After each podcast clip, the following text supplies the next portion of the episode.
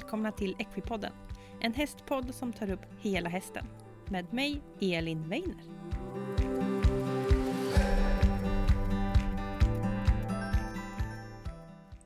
Hej alla Equipodden-lyssnare och välkomna till ett nytt avsnitt av Equipodden. Det här är avsnitt nummer 56 i ordningen och eh, det är fantastiskt kul att podden har fått eh, leva så länge och att vi har kommit så himla långt. Idag så får vi träffa en tjej som heter Emily Renman Åkvist och hon arbetar som showryttare i Frankrike. I det här avsnittet så berättar hon om hur det är att jobba med show, eh, hur det ser ut där hon jobbar på det här fantastiska slottet en liten bit från Paris. Jag kommer inte uttala vad det heter för jag kan inte franska. Men eh, det här är ett fantastiskt mysigt och härligt avsnitt och framförallt ett restips för hit känner jag att hit vill jag åka. När vi spelar in det här så är Emily i Frankrike och jag är i Sverige. Så vi har spelat in det här via Skype. Så ljudet kan vara lite dåligt eller lite sämre än eh, normalt. Men jag hoppas att det ska gå bra för er ändå. Häng med nu för nu startar vi veckans avsnitt. Då vill jag hälsa välkommen Emily Renman Åkvist. Hej! Hej! Tack så mycket! Vad kul att du vill vara med i Equipodden. Ja, jätteroligt att få vara med. Som sagt, jag sa innan också att eh, jag har lyssnat väldigt mycket på poddar och älskar att lyssna på poddar. Så mm. det är jättespännande att själv vara med, vara på andra sidan. Just det, och nu får man vara med. Det är jättespännande. Ja. Fast det är inte så farligt än så länge, eller hur?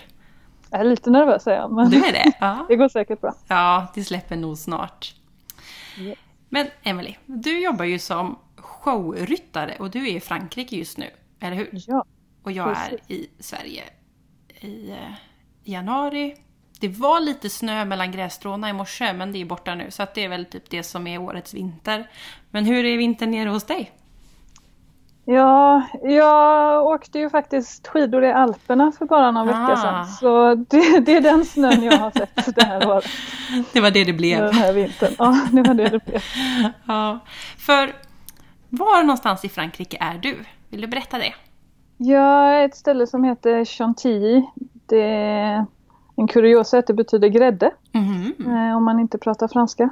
Och det ligger strax norr om Paris. Okay. Så med tåget tar det väl 25 minuter in till Gare du Nord i Paris. Så okay. det, är det är rätt nära då ja. Väldigt nära. Ja, och vi är väldigt nära också Charles de Gaulle flygplatsen. Mm, mm, mm. Och showryttare alltså? Ja. Vill du berätta, vad, vad är det? Vad gör du på en dag? Ja, jag leker med mina hästar. Eh, ja, vi, vi, är ju egentligen ett museum. Mm. Eh, det är en ganska stor domän som inkluderar eh, ett slott och så då stallarna till slottet. Okay. Och, eh, någonting som är lite speciellt är att de här stallarna de, det är större än själva slottsbyggnaden. Okej, okay, så det var mer stall än slott alltså? Ja. Oj. Legenden säger nämligen att eh, han som lät bygga stallet trodde att han skulle återfödas som häst. Aha, så han skulle göra det lyxigt till sig själv. Exakt. Aha. Och vad heter det här stället då? Eh, Domaine de Chantilly mm. och Le Grands Écurie. Okej. Okay. Jag skriver det. Ja, det... Jag får skriva det i poddbeskrivningen för er som lyssnar. Ja. Och eh, ja, det är egentligen liksom våran huvudsyssla är ju showerna. Sen har vi inte shower varje dag. Mm. Utan det är uppdelat på tre olika shower per år. Mm. Eh, vi har en stor show, kallar vi det, den stora showen som brukar gå under två års tid ungefär. Mm. Som går på våren och på hösten, men typ två gånger i veckan. Mm. Eh, och nästa stora show börjar den 5 april. Okay. Just nu så har vi faktiskt en, en lugn period. Det, det, lugnt, det kan vara lite skönt. Ja. Uh, I januari då är det inte så mycket turister så då är museet stängt i tre veckor. Ja, just det. Då får hästarna lite lugnt och vi får mm. lite lugnt. Mm. Och, och, sen så februari så börjar eh, så har det öppnat igen museet men okay. vi har liksom inga shower ännu. Mm. Och mars kommer väl repetitionerna börja dra igång för showen. Ja just det. Eh, och sen så rullar showen på där ungefär två gånger i veckan fram Mm. till någon gång på sommaren. Mm. Då har vi ett uppehåll från den showen, så Mm. börjar nästa show som går lite mera intensivt. För På sommaren så har vi ju, då brukar vi åka på semester. Mm. Eh, vilket innebär att det är alltid någon tjej som är borta. Vilket gör att det är lite Mm. svårare att, att ha en show med fasta nummer. Just det. Mm, det beror på vem som är borta. Exakt. Mm. Så den showen brukar vara lite mer flexibel ur eh, ja, nummeruppbyggnad och vilka hästar och ryttare som är med och vilka shownummer och så li- Mm. Och den är lite mer intensiv. Jag tror om den är under fem, sex, sju veckor någonting. Mm. Eh, och fyra gånger i veckan då istället. Okej. Eh, och sen så är det ett kort uppehåll och sen börjar den stora showen Den igen. stora igen. Aha. Eh, och den tar slut vid november och i november så är det en intensiv period med repetitioner Mm. till eh, julshowen. Julshow också ja. Och julshowen brukar vara väldigt så här, familjeanpassad. Att, eh, det är mycket barnfamiljer som kommer och det är oftast någon fairytale, någon, sa, någon Ja, form av saga. Lite för små barn också. Ja, precis. Jaha. Eh, och den är ännu mer intensiv. Den är väl december till början av januari. Och när den är som intensiv, de två sista veckorna där över jul och nyår så går den två gånger per dag. Oj, ja det är ju tufft. Så, så då kan det vara skönt efteråt i januari. Man behöver lite paus ja. ja, men det är jätteroligt, jag älskar julshowen. Att det, är liksom, det, det blir så mycket stämning. Och, Ja. Och såklart Och när man ut- har möjlighet att bygga upp så mycket kring det antar jag att ni gör så det verkligen här stämning och fint. Ja, precis. Det är Mm. dekorationer och det är musik och ljus och allt. Mm. Och sen utöver dessa showerna så har vi lite då och då, det varierar väldigt mycket liksom med vilka mellanrum, men då kan man ha lite privata shower. Okej. Eh, och vi har även ibland varit iväg, som förra året, förra sommaren så var vi iväg i Aachen Jaha. Eh, och var på en, inte den stora invigningen, men innan dess så hade de um, två dagar en kväll, kvällsshow. Mm. Som, Mm. Det var en jättehäftig upplevelse. Mm. Så, och de har haft några, innan jag började jobba så de har varit iväg på några andra sådana större evenemang. Men i princip så är vi alla våra shower på hemmaplan så att säga. Gud vad häftigt. Så du är på ett slott med rätt mycket hästar. Hur mycket hästar har ni? Ja, det kanske jag ska kunna bättre i huvudet. Ungefär. Ja, jag tror det är ett 30-tal hästar och Mm. tio, nästan 10 ponnyer, åtta kanske. Mm. Och så har vi tre åsnor. Tre åsnor också. Ja. Men det är ändå rätt många djur då som ni sköter varje dag. Ja, fast om man ser det här slottet när det byggdes så kunde det hålla, jag tror det är 240 hästar. Okej. Sådant.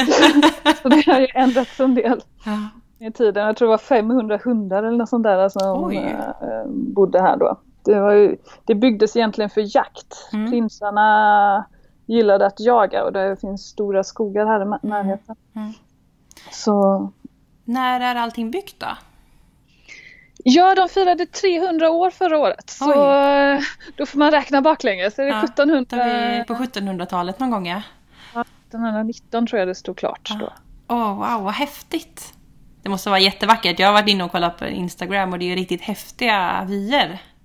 Ja, det är fantastiska miljöer. Det är lite det jag gillar med Frankrike också. Mm. jag älskar deras ja, men arkitektur och de här små byarna med stenhus. Jag tycker det är sjukt charmigt. Mm. Det blir det lite stå- exotiskt också när man kommer till så här. Verkligen, det är ju fantastiskt häftigt. Vi ska prata lite mer om, eh, om shower och, och hästarna och sånt där. Men ska vi börja med att berätta lite vem du är kanske? Ja, eh, jag heter Emelie Renman Åqvist och jag kommer från början från Göteborg. Mm. eh, och växte upp där. Och det var min syster som började rida. Mm. Eh, hon har en funktionsnedsättning. Eh, och från början så tyckte jag väl att hon gillade någon häst som hette Rosette. Jag tyckte väl att det, det var töntigt. Men eh, så hängde jag väl på någon gång och jag blev ju störtförälskad i den här ponnyn Rosette. Ja.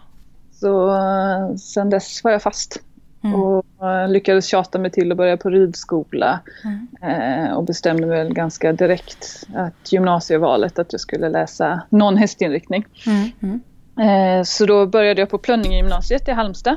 Mm. Tyvärr är det nedlagt nu men mm. det, det var tre fantastiska år där och där bestämde jag mig för att jag skulle eh, Jag ville läsa hippologen. Mm. Mm, så jag sökte in men lyckades inte så då jobbade jag med lite annat. Jag jobb, eller ja, det var också hästar. Mm. Men mm. eh, då jobbade jag med hästar i Laholm ett tag och sen så åkte jag även till USA en period. Eh, och sen så kom jag tillbaka och då lyckades jag komma in på hippologen. Så mm. då gick jag hippologen när den var tvåårig. Okej. Okay. Mm. Treårig nu. Mm. Eh, och sen efter hippologen så fick vi vi hade inte så mycket praktik under hippologen men vi kunde få ett stipendium för att jobba utomlands efteråt. Mm, precis. Och då tyckte jag och min kompis att eh, det lät ju spännande. Mm. Så det borde vi göra. Jag vill åka till Tyskland. Ja just det, för innan hippologen jobbade jag också i Tyskland en lit, liten period. Det var mm. typ tre månader eller någonting. Mm. Eh, så jag ville gärna tillbaka dit. Men hon tyckte att Frankrike var ett vackert land. Hon hade läst franska i skolan och tyckte att eh, Mm, det låter roligt att komma dit. Och jag hade väl i princip aldrig varit i Frankrike. Uh, och kände väl inte alls så mycket för att åka till Frankrike och tänkte de kan väl ingenting om dressyr heller direkt. Inga... Man har lite så förutfattade meningar. Och, uh, sen slutade jag i alla fall med att jag åkte ner till Frankrike och kvar Ja. Och min kompis kom aldrig ner. Nej. Men jag blev kvar i ganska många år och ja, förälskade mig i landet. Mm. Eh, och sen så hade jag väl diverse olika jobb i Frankrike i början. Det, det var väl aldrig riktigt något jobb som liksom mm, ja, som jag fastnade så för det var alltid någonting. Det var liksom mm, antingen så trivdes jag inte med hästskötseln. Det var något ställe så hade jag, bodde jag i en husvagn. Jag hade två minuter ja, med varmvatten i duschen. ja, den är inte så rolig. Nej, och min chef förstod inte. Men han hade ju inget hår heller. Han behövde ju liksom Nej. inte schamponera det i. Så ja, jag tyckte att det var väl inte jättehållbart alla jobben eh, riktigt. Och det var många jobb där man liksom jobba alldeles mm. ja, men slitigt och man tjänade ingenting. Jag tänkte så här kan jag inte hålla på i all evighet. Mm. Eh, mm. Jag kände liksom inte att jag kom dit jag ville heller. Eh, så då bestämde jag mig för att söka, till, söka in på en utbildning i skolan eh, i Sverige. Mm. Flytta tillbaka till Sverige. Och så tänkte jag väl att civilingenjör, de tjänar väl lite pengar. Då kanske jag har råd att köpa med min egen häst, egna häst. Det är en sån där dröm som jag alltid haft sedan, ja. sedan jag började rida. Eh, så då bestämde jag mig för att göra det. Och där av en slump så hade jag inget jobb eh, ett tag. Och så var det någon eh, tjej som såg mig rida. Det var någon häst jag redan då. Och hon visste att de sökte jobb här på museet. Aha. Och frågade ja, men varför eh, testar du inte där? Och jag bara, men jag har aldrig ridit några, några shower. Spanska hästar, det känns liksom så långt ifrån tävlingsdressyrridning som man kan komma. Eh, så jag bara, nej jag vet inte. Och sen så gick jag ändå och funderade på det. Jag bara, men jag har för jag har ju varit och liksom turistat och kollat på stället och kollat på någon, inte någon stor show men på någon liten föreställning. Och då hade jag ändå funderat på, men undrar hur det är att jobba där. Och så mm. nu var jag, det, det är ju ett väldigt häftigt ställe, så det hade varit roligt att bara komma in lite bakom kulisserna. Så det, det skadar ju inte liksom bara åka och ja, men provjobba en dag eller liksom prata med dem. Ja just det, bara få känna på känslan. Precis. Eh, så då gjorde jag det och alltså jag var ju fast direkt. Jag mm. tyckte det var jätte, eh, jättehäftigt ställe.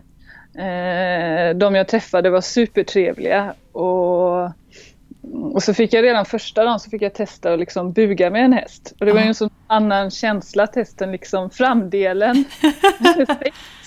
det, ja, jag har varit med om hästar som bockar och lite småställer sig men det här liksom att de försvinner framför en hade jag inte varit med om innan. Oh, eh, häftigt!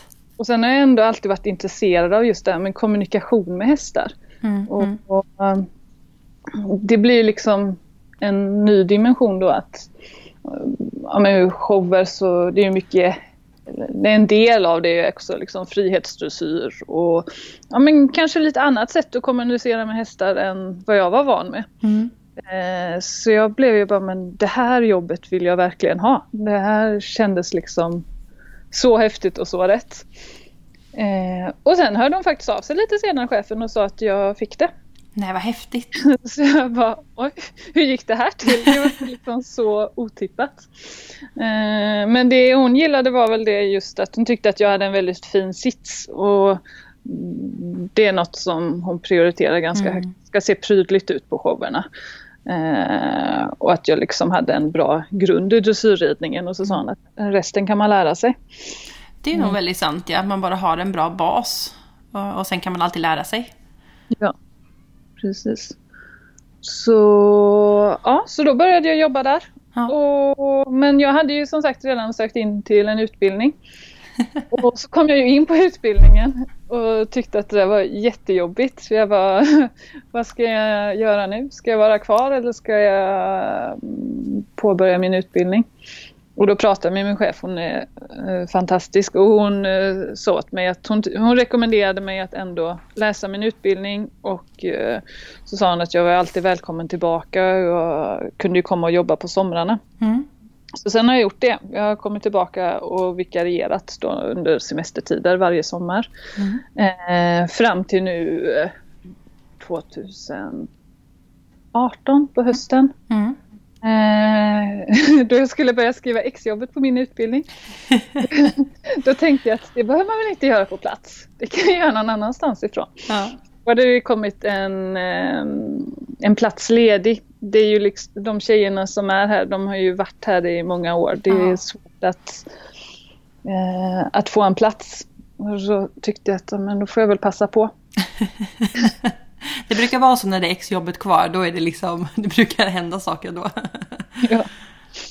Så då åkte jag ner och sen dess har jag varit här på heltid och så har jag mm. försökt skriva exjobbet eh, vid sidan av och exjobbet ska ju ta ett halvår men ja, nu ska jag snart klar för att redovisa så jag börjar närma mig lite.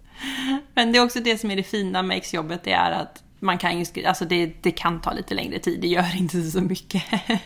Om man nu har ett bra jobb som du har liksom. Ja, precis. Och det har ändå varit... Eh, ja, men jag gillar lite det här att kombinera att, um, fysiskt arbete. Jag rör mig hela dagarna och sen ska man komma hem och så kan man sitta då framför datorn. Jag tyckte det var jobbigt under skoltiden när man blev så mycket stillasittande. Mm. Mm.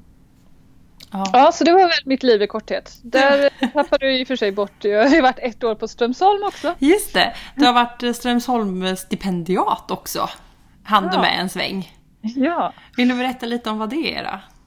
Ja, det, det var en fantastisk upplevelse. Det var egentligen, jag scrollade på Facebook och så såg jag att man kunde söka mm. till stipendiat. Så jag bara, ja, jag söker. Det, jag hade väl aldrig förväntat mig att jag skulle komma in på det heller. Eh, för jag pluggade ju också fortfarande då. Mm. Eh, men när jag kom in så var det liksom, ja men självklart jag tar studieuppehåll ett år. För det här är liksom eh, once in a lifetime mm. känsla. Och det var helt fantastiskt. Jag fick uppfylla så många drömmar under det året. Ah. Berätta mm. lite vad, vad det innebär och vad man gör om man är stipendiat. Ja, jag hade väl ungefär sju, sex sju hästar, sex hästar hade jag väl ungefär. Mm. Eh, som man har hand om liksom. Så det, är ju, det var ju ganska tufft för det var ju, vi var två dressyrstipendiater och en hoppstipendiat och så var det en SRL 3 som hade hand om hästarna tillsammans. Men eh, det var ju alla dagar och eh, ja, men som om man hade hästarna själv. Att de ska ju fodras och eh, mockas och släppas ut i hage och skrittmaskin och allting. Och sen dessutom rida. Mm. Men eh, det var ju verkligen så värt det. Vi fick så mycket träningar, mm. så mycket hjälp, så mycket tävlingserfarenhet. Eh, jag fick möjlighet att rida en extremt välutbildad häst som har gått Grand Prix. Så jag fick möjlighet att tävla upp till intermediär på. Ja, vad häftigt. Och jag hade liksom bara ridit, tävlat med SOC innan jag kom dit. Min, min egna häst, eh, han bytte aldrig rent. Jag hade en gammal, jag fick med mig en hopphäst där någonstans på mm. vägen ofta från Frankrike. Ehm, men jag lyckades aldrig lära honom rena byten så jag liksom stannade på medels med honom. Mm. Mm. Ehm, och då var det så roligt att det är någonting som jag drömt om hela tiden. Mm.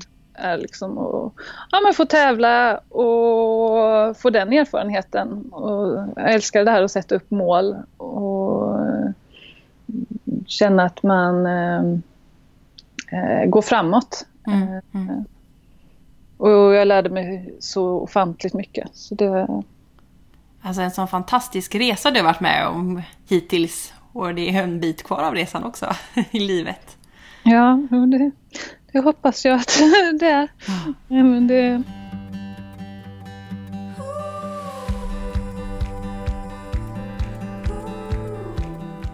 Då tänkte jag gå vidare eller gå tillbaka lite till där du är nu. Kan du inte berätta lite om eh, vad som ingår lite i en show och vad, vad gör hästarna och vad krävs av en häst för att klara av en show? Liksom, vad, vad behöver man träna? Vad behöver de kunna? Och lite så. Vill du berätta om det? Ja, vi har ju min chef och hennes syster är de som brukar skriva eller hitta på mm. våra shower. Så någonstans så brukar de ju ha någon form av idé och sen så känner de ju oss också så de vet ju lite vad vi kan göra och vad vi kan göra med vissa hästar. Mm. Uh, och så har vi även en kommunikation med dem om det är liksom något särskilt som vi hade velat. Men nu känner jag att den här hästen är redo för att göra det här. Det. Uh, kan vi inte testa att ta med det i något nummer på något sätt? Uh, så det är väldigt olika egentligen. Det varierar extremt mycket. Vi har hästar i alla möjliga åldrar höll jag på att säga. Mm den yngsta är väl i och för sig, han var fyra förra året, han blir fem nu. Mm. Mm, och sen så är det ju när de är någonstans uppemot 17 så brukar jag väl försöka hitta ett pensionärshem till dem. Mm. mm. Eh, så däremellan så har vi ju hästar då och de är ju på väldigt olika utbildningsnivå. Och de som är äldre, de flesta kan ju liksom göra allting och är mm. väldigt praktiska att ha med men samtidigt så vill man ju inte slita för mycket på dem heller. Och Nej, det ju, något av det viktigaste för oss är ju att de vill gå in på scenen. Vi behöver ju ha mm. hästar som tycker det här är roligt, deras mm. arbete. Annars blir det jobbigt för oss alla. Ja, eh, verkligen. Mm. Så det är någonting av vårt viktigaste arbete är nästan att försöka hålla hästarna motiverade och glada och må bra både fysiskt och psykiskt. Mm. Mm. Eh, och just det att liksom anpassa för eh, de äldre hästarna att de inte får gå för hårt eller för göra för mycket samma saker utan att de liksom hela tiden ska tycka att eh, det händer någonting, det är roligt eh, och att de är med på noterna. Mm. Mm, så då försöker vi anpassa showen efter det med. Så det är ganska många parametrar egentligen att eh, ha med. Mm. Och samtidigt just det här då som vi pratade om lite innan att eh, beroende på kostymer och mm ljus och musik. Hästar är ju, de är ju väldigt individuella. En häst eh, kanske är lite ljudkänslig. Mm. Medan en annan, eh, jag har en häst som är ganska markskygg av sig. Mm. Eh, och så är det någon tredje som tycker det är jobbigt med saker som är nära, vad heter det, bodypist. Eh, ja, um, barriären, vad man ska mm. säga, som går runt våran eh, bana. Ja, eh, just det, staketet typ, eller eh, slutet banan. Mm. Ja, och kostymer och sånt där. Så vissa är ju inte det. Vi har ju några hästar som inte är rädda för någonting, så de vet man ju att eh, det spelar ingen roll. De kan väl liksom sätta in i vilket nummer som helst, medan mm. andra, om man vill ha med dem i ett speciellt nummer, då kanske man måste planera in en viss träningstid innan. Och det beror ju också på, har vi den här tiden, kan jag lägga den här tiden på den här hästen just nu att öva in detta eller så får vi försöka anpassa med att ta en annan häst istället. Mm. Mm. Och motivationen är viktig. Hur tänker ni där och hur hittar ni motivationen hos hästarna?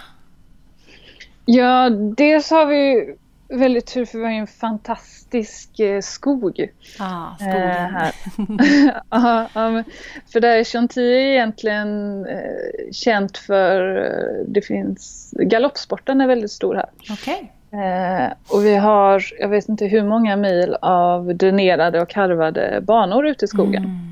Så det låter kan, härligt. Man kan rida i timmar eh, utomhus och på fint underlag. Och, ja, men man kan galoppera överallt. Liksom. Det är inte så här att ja, men nu är det ett område där man måste skritta för här är för dåligt underlag. Utan det, eh, det går att trava och galoppera i, i en evighet. Mm. Vad häftigt. Eh, så den utnyttjar vi ju väldigt mycket. Mm. Och där kan man ju Ja, man kan ju öva på allting ute också, förutom kanske i ja, ljus och kostymer och sånt där. Men rörelser och sånt kan man ju öva på ute. Mm. Mm. Eh, så vår filosofi är väl just det här att försöka hålla arbetet varierat. Mm. mm. Eh, att liksom det kan ju under julshowen där när det är så intensivt, när det är två gånger per dag i två veckors tid så försöker mm. vi liksom hitta två hästar som man kan växla. Mm. Så att man inte har samma häst som gör exakt samma saker två gånger per dag i två veckors tid. Utan mm. att vi, den varannan dag kan den komma ut i skogen istället och göra någonting annat. Just det, och vila huvudet lite. Mm, exakt. Upplever du att de blir glada av att komma ut och hitta motivation?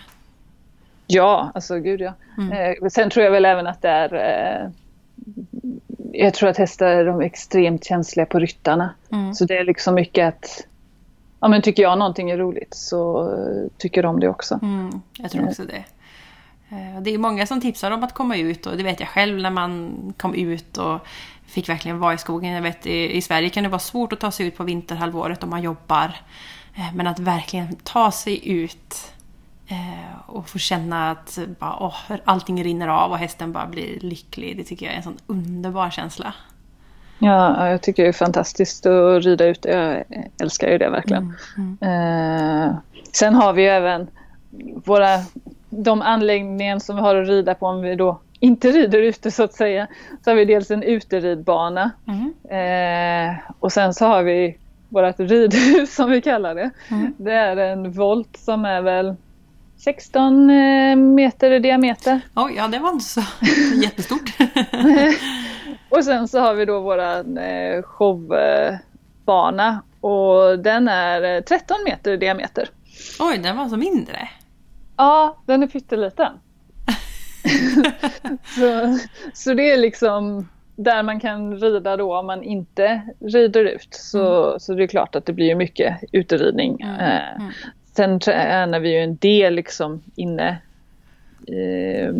på showarenan också för att liksom annars rider man bara ute på stora, man har hur mycket plats som helst och sen ska man in på ja, den här lilla 13 meters volten så kan det bli lite svårt. verkligen. man får träna på där man ska vara också.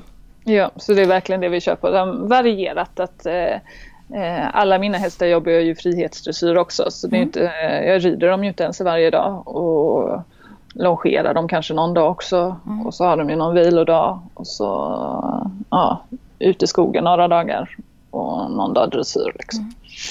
Har ni liksom egna hästar som, som ni sköter som liksom är era som ni känner lite bättre eller har ni så att ni är på alla hästar hela tiden? Eller varierar Nej. ska jag säga? Eh, nej, vi har eh, våra egna. Mm. Eh, just för det här att det, det bygger så mycket på samspelet mellan häst och ryttare mm. och det mm. blir ju bara bättre och bättre ju mer man känner sin häst. Så, um, så vi har tre, tre är väl egentligen det bästa, men den har jag tjejer som har fyra hästar. Mm. Eh, och så en ponny skulle jag säga, men det finns några tjejer som har lite fler ponnysar. Men jag har tre hästar som jag har hand om och så en ponny. Och en ponny. Yes. Och um, vad gör du på med dem då? De stora rider du? Eh, ja. Och um, vad liksom krävs av dem? Vad behöver de kunna? Eh, och hur, för jag har sett att du gör mycket galoppombyten. Eh, buga berättade du ju om där. Jag har sett någon bild på, alltså det var ju en ponny som visade att den stegrade och liksom vad, vad är det för övningar som ni gör? Ja, alltså det, det som är lite roligt är att vi får ju extremt fria tyglar. Mm. Vi får ju egentligen lära våra hästar exakt vad vi vill. Vad spännande! Ja. Lyxigt! ja, min nackdel är väl då att jag liksom inte kom, kommer från den här uh, showhäst eller trickträningsvärlden. Jag har ju ingen erfarenhet av det sedan tidigare. Eh, så då får man ju vara lite påhittig och så får man ju få hjälp av de andra tjejerna och, och lära sig. Men jag, som sagt, jag övar frihetsdressyr med alla. Eh, särskilt då med ponnyn. Han är mm. ju mm, han gör ju inte så mycket annat. Jag tänkte att jag kanske skulle börja tömköra honom lite. det tycker du ska göra, jag gillar tömkörning. ja. Jag är ju inte så jättehaj på det som jag hade önskat. Eh, men det, det, är en sån där liten plan. Annars så, ja han gör ju frihetsdressyr, han hoppar lite grann. Jag har honom även i eh, i grimskaft, grimma och grimskaft. Mm. Och då kan jag även rida, att jag rider på en häst och så har jag honom bredvid. Ah, häftigt! Och, och sen de andra, de är ju lite olika åldrar. Jag har eh, fått ta över en häst som, ja, men han kan ju i princip allting. Eh, den förra tjejen som hade honom, hon red i damsadel och hon red med mm, Renna la Centure, det är när man har tyglarna fästa, man hakar på dem i en ehm, eh, vad heter det, ett bälte som man har runt magen. Mm. Så har man händerna fria och då, då får man ju styra väldigt mycket med liksom vikt och mm. skänkelhjälper istället. Eh, och så kan man då ja, gör, kanske hålla i någonting med händerna eller eh, ja, göra, göra någonting annars. Vi höll i i julas gjorde vi det till exempel. Då höll vi som en stång. Vi skulle typ föreställa att vi var sådana här karusellhästar. Mm. Han hade en sån karusellstång i händerna och mm. så um, red vi, galopperade vi runt med det. Häftigt! Det måste ha varit jättefint. Ja, jag hoppas det. det är vårt mål att det ska vara eh, vackert att, att titta på. Mm. Och, eh, och sen alla våra hästar, de, de flesta kan ju vi brukar ju lära dem ganska tidigt där, ja, men buga och spanskritt och ja, ligga sitt, lite sådana mm. vanliga tricks. Eh, och frihetsdressyr och sen så ridmässigt så försöker vi utbilda dem så högt upp som möjligt. Sen blir det ju inte samma liksom om man ser på tävlingsprecision har ju inte vi. Eh, vi har ju några hästar som gör byten i varje på den här lilla volten, 13 meters volten. Men det kanske inte är... De kanske ändå inte hade fått en tia på en tävling eller mm. sådär. Just Utan, det. Det är olika kvalitet såklart. Eller ja, så. Mm. Mm. Vi behöver ju ha, om man jämför med tävling, jag älskar ju att tävla, mm. eh, men tävling så behöver man ha 100% fokus och man ska ha mm. den här eh, kommunikationen med hästen, eh, vara verkligen ett med hästen och ha koll på varje steg. Mm. Medan när jag rider show så behöver hästen vara lite självständigare. Mm. Mm. Eh, och man, har kanske, man kan inte ha 100% fokus på hästen hela tiden för man ska kanske fokusera på något annat. Mm, mm. Och då behöver hästen kunna ändå ja, men sköta sig själv. Mm, Fast då är det inte lika, då kanske inte det blir lika perfekt eller vad man ska säga. Just det, Nej, det blir lite annat såklart. Så det är mycket frihetsdressyr, mycket övningar och lite showtänk. Eh, skulle du vilja dela med dig om hur du tränar in till exempel att lära en häst att buga? Eller hur jobbar ni med att lära dem olika saker? Ja, ja det finns ju också olika... Det är väl det, kan, det är fördelar och nackdelar med allting. För vi har ju extremt fria händer vilket mm. gör att eh, vi får ju lära hästarna vad vi vill och hur vi vill i princip. Mm. Men eh, då kan det vara lite svårt för frågar man en tjej så har hon ett sätt att göra det och så frågar man en annan så gör ja, hon det på ett annat sätt. Så då blir det, när jag skulle, ja men jag kan ju ta min ponny som exempel för han kunde inte buga när jag tog, började jobba här. Eh, och ja, då blir det ju inte så konsekvent när jag frågar någon och sen så frågar någon annan. Så det tog ganska lång tid för mig att lära honom att buga. Mm. Men jag började väl med att lära honom lite att han, om en knackar lite med spöet på knät så ska han liksom lära sig att lyfta knät. Mm. Eh, och sen så tog jag väl lite min hand till hjälp. Att liksom bara det här att han ska, om man tar benet lite försiktigt bakåt och så bara väger han lite bakåt. Om man mm. berömmer direkt. Mm. Eh, och det var väl så jag höll på, på ganska länge. Och sen det, det momentet just alltså när jag hade handen och att han eh, vägde lite bakåt, det lärde han sig ganska snabbt ändå. Mm. Och, och, fick en godis. Han är extremt förtjust i godis den där ponnyn så det, kan, det gör han ju typ allt för. Eh, men sen var det svåra som jag hade med honom var att han skulle lära sig att göra det utan att jag höll liksom handen i benet. Ja, just det. Nästa steg. Mm. Ja, jag vill ju egentligen, det smidiga är ju ja, med de stora hästarna, vi brukar ju lära dem att man eh, ja, men knackar lite med spöet på knät och att de bugar, för då kan man göra det när man sitter på hästen. Mm. Mm. Och då brukar det vara ganska logiskt att då har vi liksom samma kod för ponnysarna mm. och då kan man ju även vara lite längre ifrån kanske. Just det. Så kan man nå, eller liksom peta, eh, peka Mm. Eh, på en kroppsdel och så i slutändan så kan ponnyn liksom förstå att när hon pekar dit så är det mm. det här jag ska göra. Just det. Eh, och där mm, där tog det väl lite, lite längre tid. Nu kommer jag inte riktigt ihåg. Jo men dels var det väl det lite att när jag petade lite på spöet så gick han liksom då vände han gärna på sig istället. Så ja, då fick jag ställa honom bredvid en vägg så blev det lite lättare. Det var mm. lite ja, sånt som man kom på efterhand. Det, mm. Praktiken så, så tog det en liten stund att jag bara, men han snurrar bara. och så bara, ah, men om man sätter en vägg bredvid då kanske man förstår att han inte, det är inte snurra han ska göra. Så mm, Ja men framförallt mycket beröm. Att uh, allting behöver vara positivt. Att uh, med, ja, tar jag min ponny som exempel igen, nu är det tur att han inte är storhäst för hans favorittryck är att stegra sig. Och det gör ju han liksom hela tiden. Och han blir lite som en sån här hund att han bara okej okay, nu ska jag visa alla mina trick. Ja, nu ska jag snurra runt dig, jag ska stå på bakbenen, jag ska backa. Jag bara, när får jag min godis? Ja precis. Vad ska jag göra för att få en godis? jag, har inte, jag har inte bett dig om någonting ännu men visst visst. Du är duktig i alla fall. Och det är väl lite det, är lite det jag vill ha i alla fall. Jag gillar när de är lite överambitiösa och mm. kanske mm. gärna ger, gör lite mer än vad man ber dem om än eh, tvärtom. Mm. Eh, så jag jobbar ju väldigt mycket med ja, jag jobbar ju både med negativ och positiv förstärkning. Mm. Eh, men men tycker det är jätteviktigt den här äh, biten verkligen att, äh, att de ska alltid tycka att det är roligt. De ska få ut någonting av det. Det är mm. liksom inte bara jag som ska vinna någonting på, mm. mm. på att min häst eller ponny gör några tricks. Mm. mm. Är det alltid godis eller är det andra beröm också? Eh, klia också och så mycket ljud eller så här äh, super! Ja just det. och det blir ju som någon form av klicken nästan. Alltså det, är ju, det räcker ju med att jag börjar säga eller så, här, och så spetsar de öronen och bara Åh! Vad är det beröm nu? så, sen så har jag, vi har ju en del hingstar och de mm. kan ju Tyvärr, det finns väl säkert sätt att träna bort det på också. Men jag har en hingst som är ganska så nafsig av sig. Mm.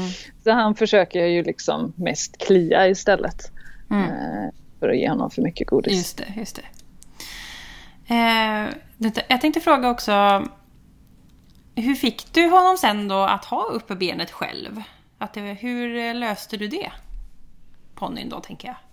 Ja, det var ju det här att eh, ja, men dels lära honom att lyfta benet bara när jag knackar lite med spött på, på knät, eh, liksom att han böjer det. Eh, och sen så hade han ju den här, jag hade ju lärt honom att sätta ner knät när jag höll handen under. Och då försökte jag liksom göra det jag kan, tog foten till slut istället. Att jag liksom bara... Så att han hade ett litet stöd av någonting. Mm. Eh, och så sen så för varje gång försökte jag göra det lite mindre och mindre. Mm. Att han fick liksom mindre stöd från mig. Och så att det liksom, signalen var egentligen om en ordet buga fast på franska.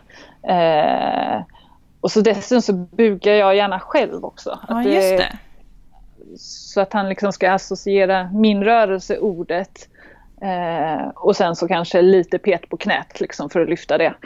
Och, ehm, och sen att han då lär sig att det är det som är koden för bugning.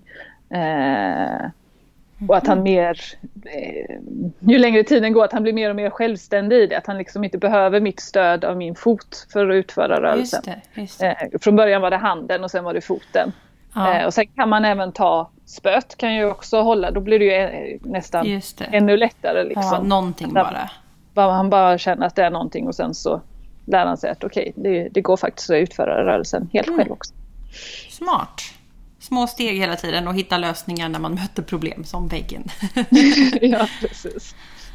Eh, Jag har också tänkt på, för jag har tittat lite på din Instagram och sådär och då rider ni ju med, eller i alla fall då, det var ju på julshowen här, med, du hade en stor krona och så var det typ en eh, eh, jättelång eh, cap, kan man säga så?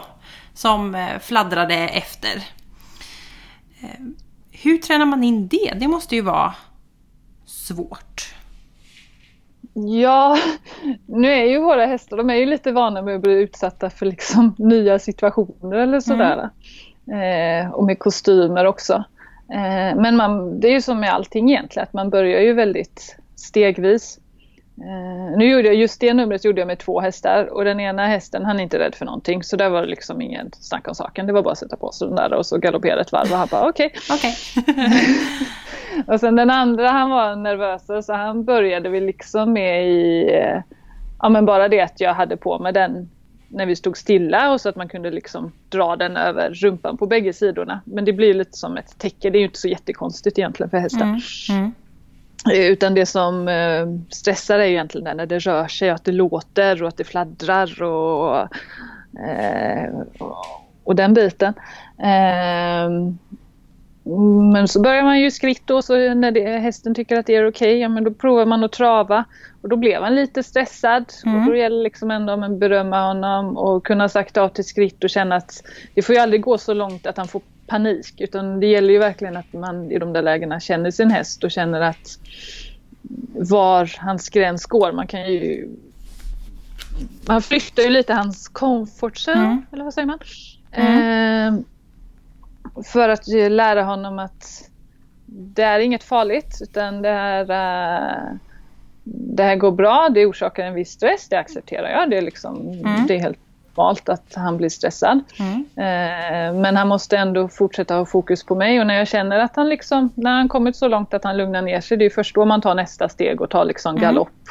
Eh, och i början så var det någon som höll i den dessutom. Eh, ja fast det blev i och för sig värre.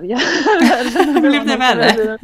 Ja för då blev det mer, eh, då, då kom luftdraget kom väl annorlunda så då lät den liksom mera. Okej. Och det var egentligen ju högre hastighet desto mer flög den. Mm. Så i skritt hände det ju inte så mycket direkt. Mm, mm. Eh, så- och sen som sagt, eh, han är ju också ganska van vid olika saker så egentligen på efter första ridpasset så var han ju avslappnad med den där i galopp.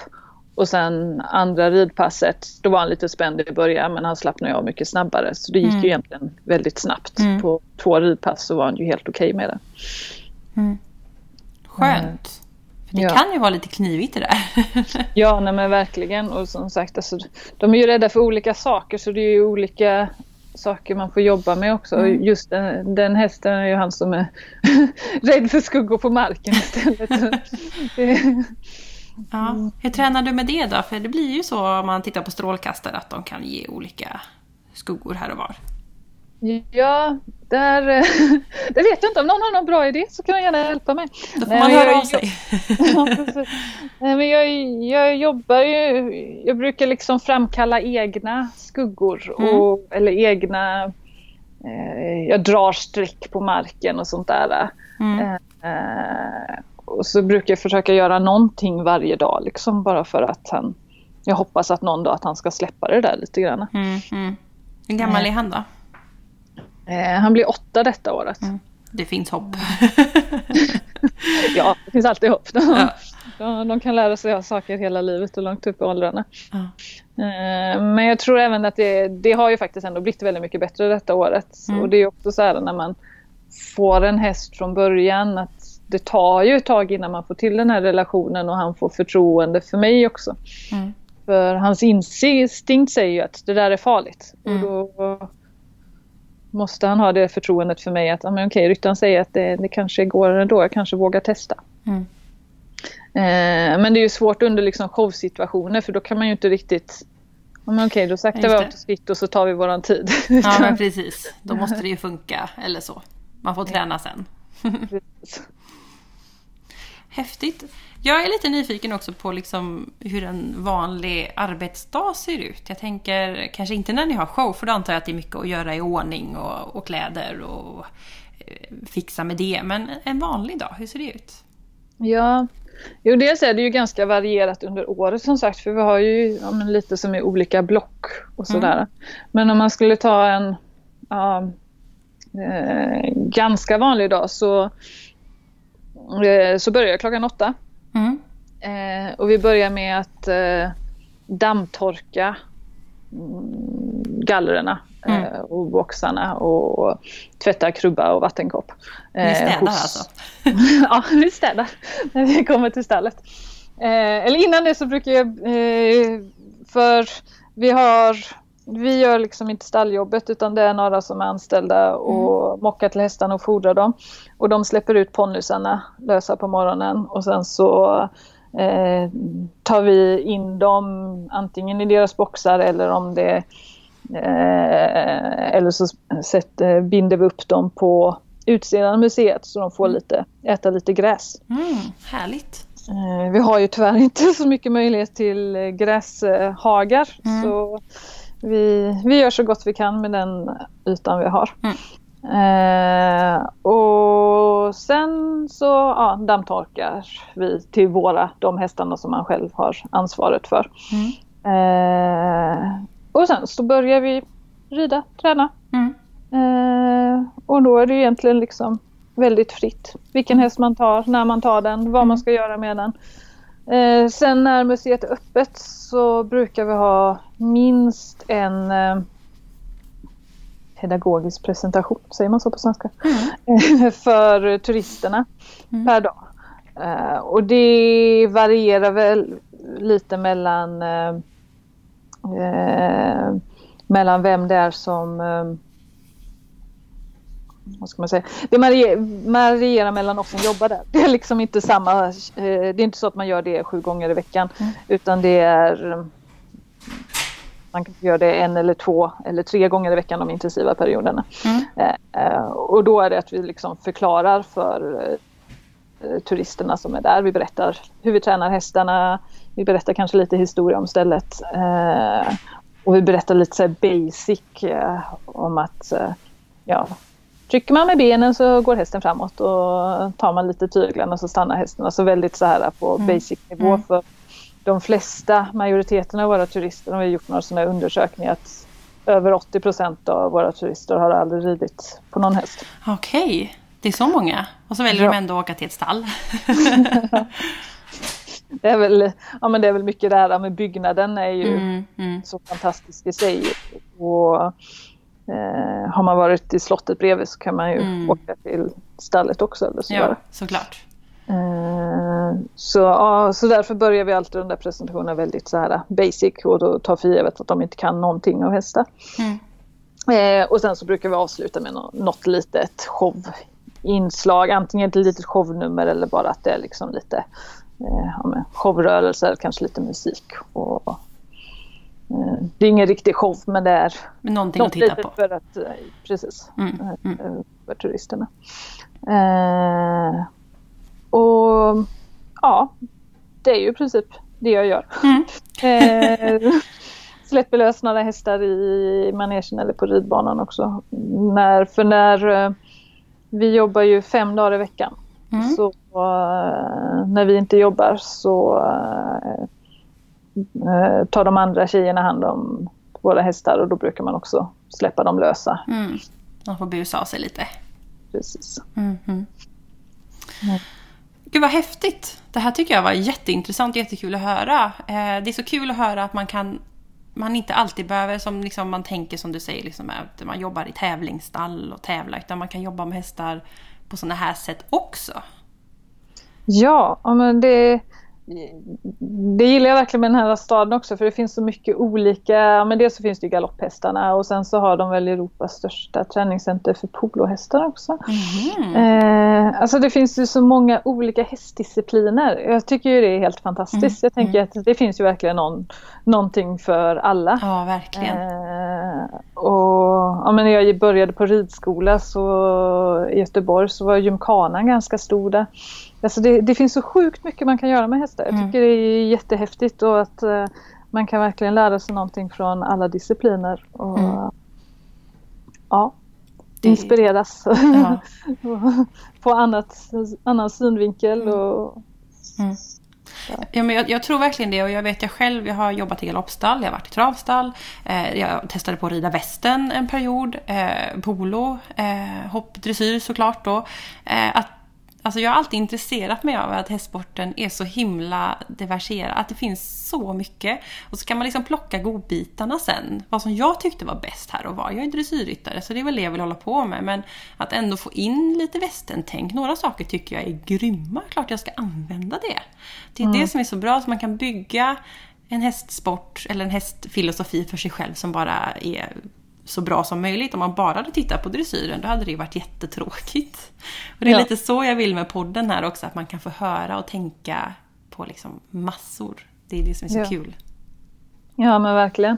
Och det är som, någonting som jag verkligen gillar med um, kanske det här showhästtänket. Nu har jag varit på både Flying och Strömsholm och ridskolor. Det är ju klart att säkerhetstänket det är jätteviktigt. Mm. Men här är det ju motsats på mångt och mycket. Folk får liksom för sina hästar lösa. Ja. Det, eh, det, är inte liksom alls riktigt så samma sätt med hästhantering om man hoppar upp på någon häst utan eh, sadel och träns. Och det, eh, men jag gillar det här också att det, det bygger ju verkligen på kommunikation och här när det är shower, vi måste träna våra hästar för mm. att de inte ska vara rädda för saker. Mm. Eh, så vi får, ju liksom, vi får ju säkrare hästar. Mm.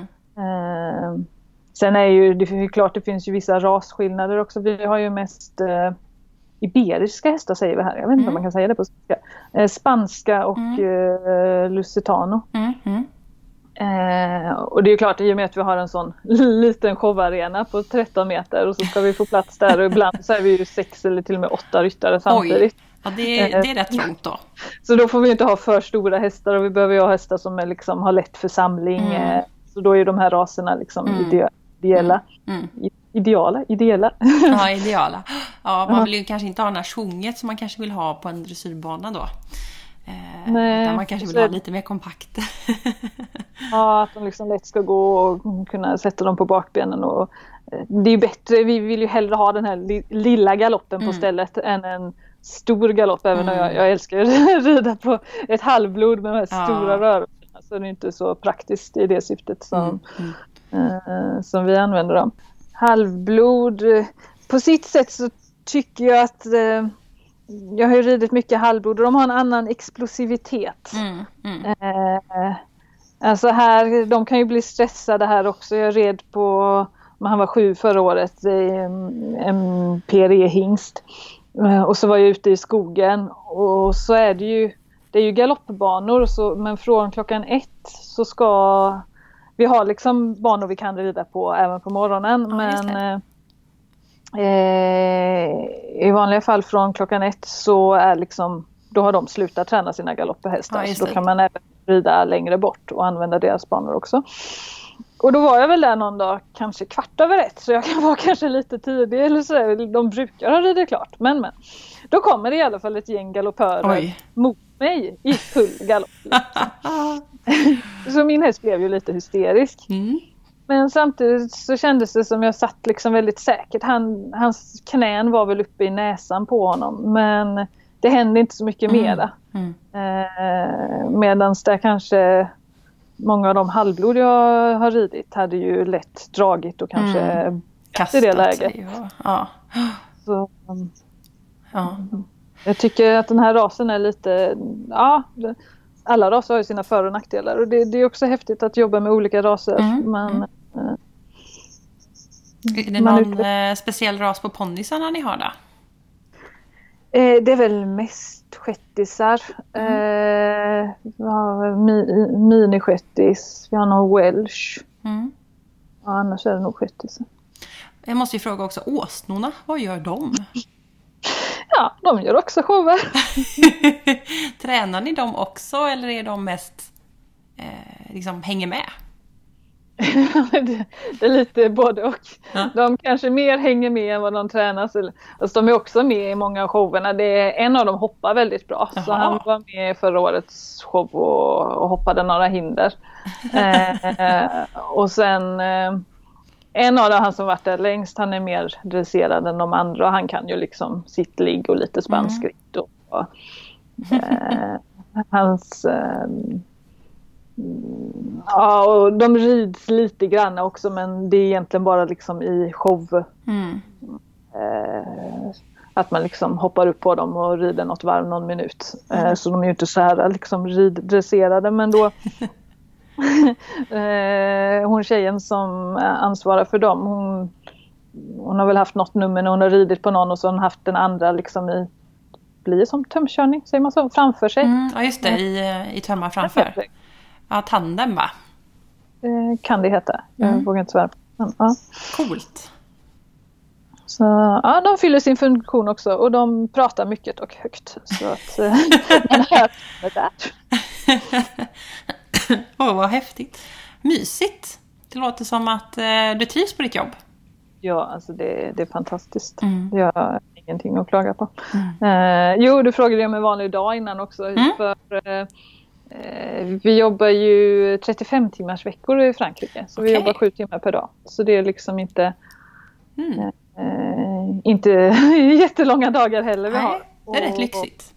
Ja, men det är, det är ganska lagom för att hinna med sina hästar. Man hinner liksom mm. utöver det här eh, ridningen så kanske man ska hinna klippa någon häst. Man kanske mm. ska greja lite. Mm. Det finns ju alltid massa små saker som man ska göra med hästarna mm. runt om. Man ska putsa lite utrustning, eh, bada någon. Mm. Jag har en häst som har så gigantiskt lång man. Mm. Så det är en evighet bara att ta hand om hans man. ja, halva arbetsveckan kanske. Alltså, du ska bada. Så du ska... ja, vad fint. Ja, jag förstår att det måste vara snyggt eftersom att ni får turister i stallet hela tiden också. Ja. Det går inte att lämna det osopat eller Nej, lägga träns i någon hög. så ska det sopas.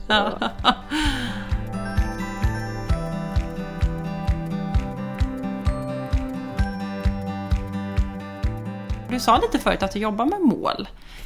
Är det så att du eh, arbetar mycket mentalt eller tycker om att tänka mental träning? För dig tänker jag då. Jo, eh, ja definitivt. Eh, jag älskar att sätta upp mål. Mm. Eh, dels har jag min, jag har en egen häst även på sidan av. Mm. För då. Mm. Och sen så har jag mål för alla mina hästar på museet. Så jag har skrivit upp vad jag vill att de ska lära sig eller vad jag önskar att de ska lära sig under detta året. Mm. Eh, och sen jag, hade, jag har aldrig gått hos någon mental tränare direkt. Jag vet min kompis kollade väl upp någon sån någon gång. Och då var det ju, kostade det ju alldeles för mycket pengar. Det hade inte jag råd med. Men däremot har jag varit på några föreläsningar.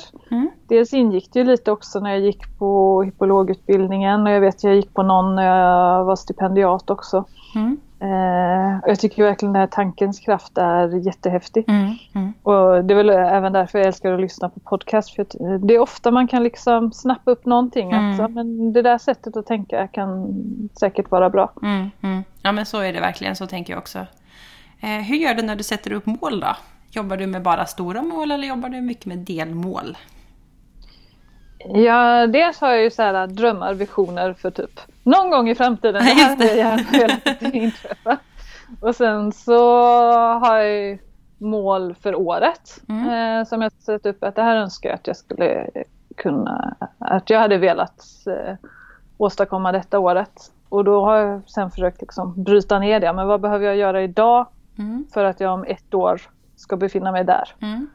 Eh, och sen så har jag ju en träningsplanering för alla mina hästar. Liksom, mm. Vad de gör varje vecka. Mm. Eh, och egentligen så är ju jag försöker ha en tanke bakom allt. Mm. Eh, om det så bara är liksom ett lättare pass för hästen eller en viloperiod. Att det liksom, ja men det är för att jag vill att hästen ska må bra för att vi senare ska kunna ta oss dit. Att, eh, att jag ser liksom även en lätt uteritt eller en eh, promenad med en häst ser jag liksom som ett steg närmare mitt mål. Mm, mm. Att jag försöker se varje ridpass och varje dag som tillfälle att, att ta sig framåt. Det är ett jättebra tips. Mm. Att verkligen se målen, att se att varje dag är ett steg mot ditt mål. Ja, och någonting som jag eh, har lärt mig, jag vet, jag har väl säkert hört detta tidigare men jag har väl inte insett det innan. Uh, ja, men att de små stegen är det viktiga. Mm. Att, och det har jag väl särskilt lärt mig sedan jag kommit hit också, det här vikten av att berömma bara en ansträngning mm. från hästens sida. Att den gör, den liksom lite kanske nästan tänker rätt. Mm. Eh, för det är de där pyttestegen som när man ser det efter ett längre perspektiv som det blir någonting. Mm. Och, berömmer man varje dag de där pytte, pytte, pyttesmå stegen och sen så tittar man tillbaka för ett år sedan så ser man, åh jädrar vad långt vi har tagit oss när jag var liten, så, eller yngre, så ville jag så mycket och jag ville liksom allt direkt. Mm. Eh, men att det oftast får motsatt effekt. Att då, då blir man lätt frustrerad och så tar man sig ingenstans. Utan min filosofi, nu när jag blivit så mycket äldre och klokare, är verkligen att liksom försöka se efter varje ridpass, efter varje träningstillfälle Eh, även om det har känts skit så tvingar jag mig själv att jag ska hitta någonting positivt och det är det enda jag liksom ska komma ihåg från det passet. Mm. Eh, eh, att hela tiden verkligen, och även liksom för särskilt för hästens skull, att det, det, är så viktigt att de ska ha en bra erfarenhet från mm. varje träningstillfälle. Mm. mm. Och att det egentligen, jag tror det är det viktigaste för att för att, få, för att vi ska få hästen till att göra det vi önskar. Att mm. liksom, de, de ska tycka att det är roligt och att vi måste vara den roliga personen mm. i eh, sammanhanget. Mm. Så himla häftigt. Jag tror också det är jätteviktigt och jag tycker det är väldigt intressant det du säger. Så jag hoppas ni som lyssnar att ni tar med er det. Små steg är också de viktiga stegen. Och allting, man kan alltid hitta något positivt på ett ridpass. Det tror jag är jättebra. Ja. Men Emily, tack så jättemycket för att eh, du ville vara med i Equipodden. Eh, Tack själv. Om man skulle vilja se mer av dig kanske eller eh, showerna, kan man komma i kontakt med dig på något sätt? Eh, ja, dels, dels är det ju alltid, museet är ju öppet och mm, dit kan man ju alltid åka om mm. man vill svänga förbi Frankrike så att mm. säga. Jag länkar eh, i poddbeskrivningen också. Mm. Ja, och vill man se en show så bör man ju kolla upp vilka datum de går först mm. för de går ju som sagt inte varje dag i veckan. Mm. Eh, och tyvärr de här eh, presentationerna som jag sa att vi har nästan varje dag, de är på franska. Okay. Så det behöver man kanske kunna franska om man ska få ut så mycket från dem. Mm, mm. Eh, men jag finns på Instagram mm. om man eh, vill se lite mer från mig och då heter jag ju mitt namn tror jag. Mm. Antar jag, Emelie Renman. Heter jag Åkvist också? Det har inte ens jo, koll men det gör du. Eh, eh, men med ett A då antar jag att det inte är något mm. Å. Den, Löfven mm. Ahlqvist. Mm. Så där kan man se lite mer. Och det finns, jag, jag följer ju dig, eh, och det finns eh, fina bilder och lite filmer från showerna. Så det kan vara lite inspirerande om man planerar en resa till Frankrike. Eh, tack så jättemycket för att du ville vara med. Tack själv. Så önskar jag dig en fantastisk fortsatt dag och helg, för idag är det fredag faktiskt. detsamma, detsamma.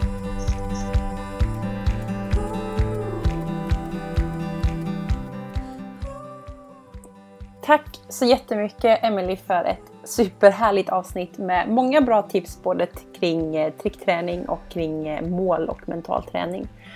Jag hoppas att ni som lyssnat på det här tyckte att det var ett mysigt avsnitt. Jag tyckte det var fantastiskt och jag kände åh, hit vill jag åka. Eh, jag kommer länka lite i poddbeskrivningen så att ni kan eh, kanske hitta dit om man råkar vara nära Paris och vill ta sig ut till ett hästmuseum Annars så önskar jag er en fantastisk vecka så hörs vi snart igen. Hej då!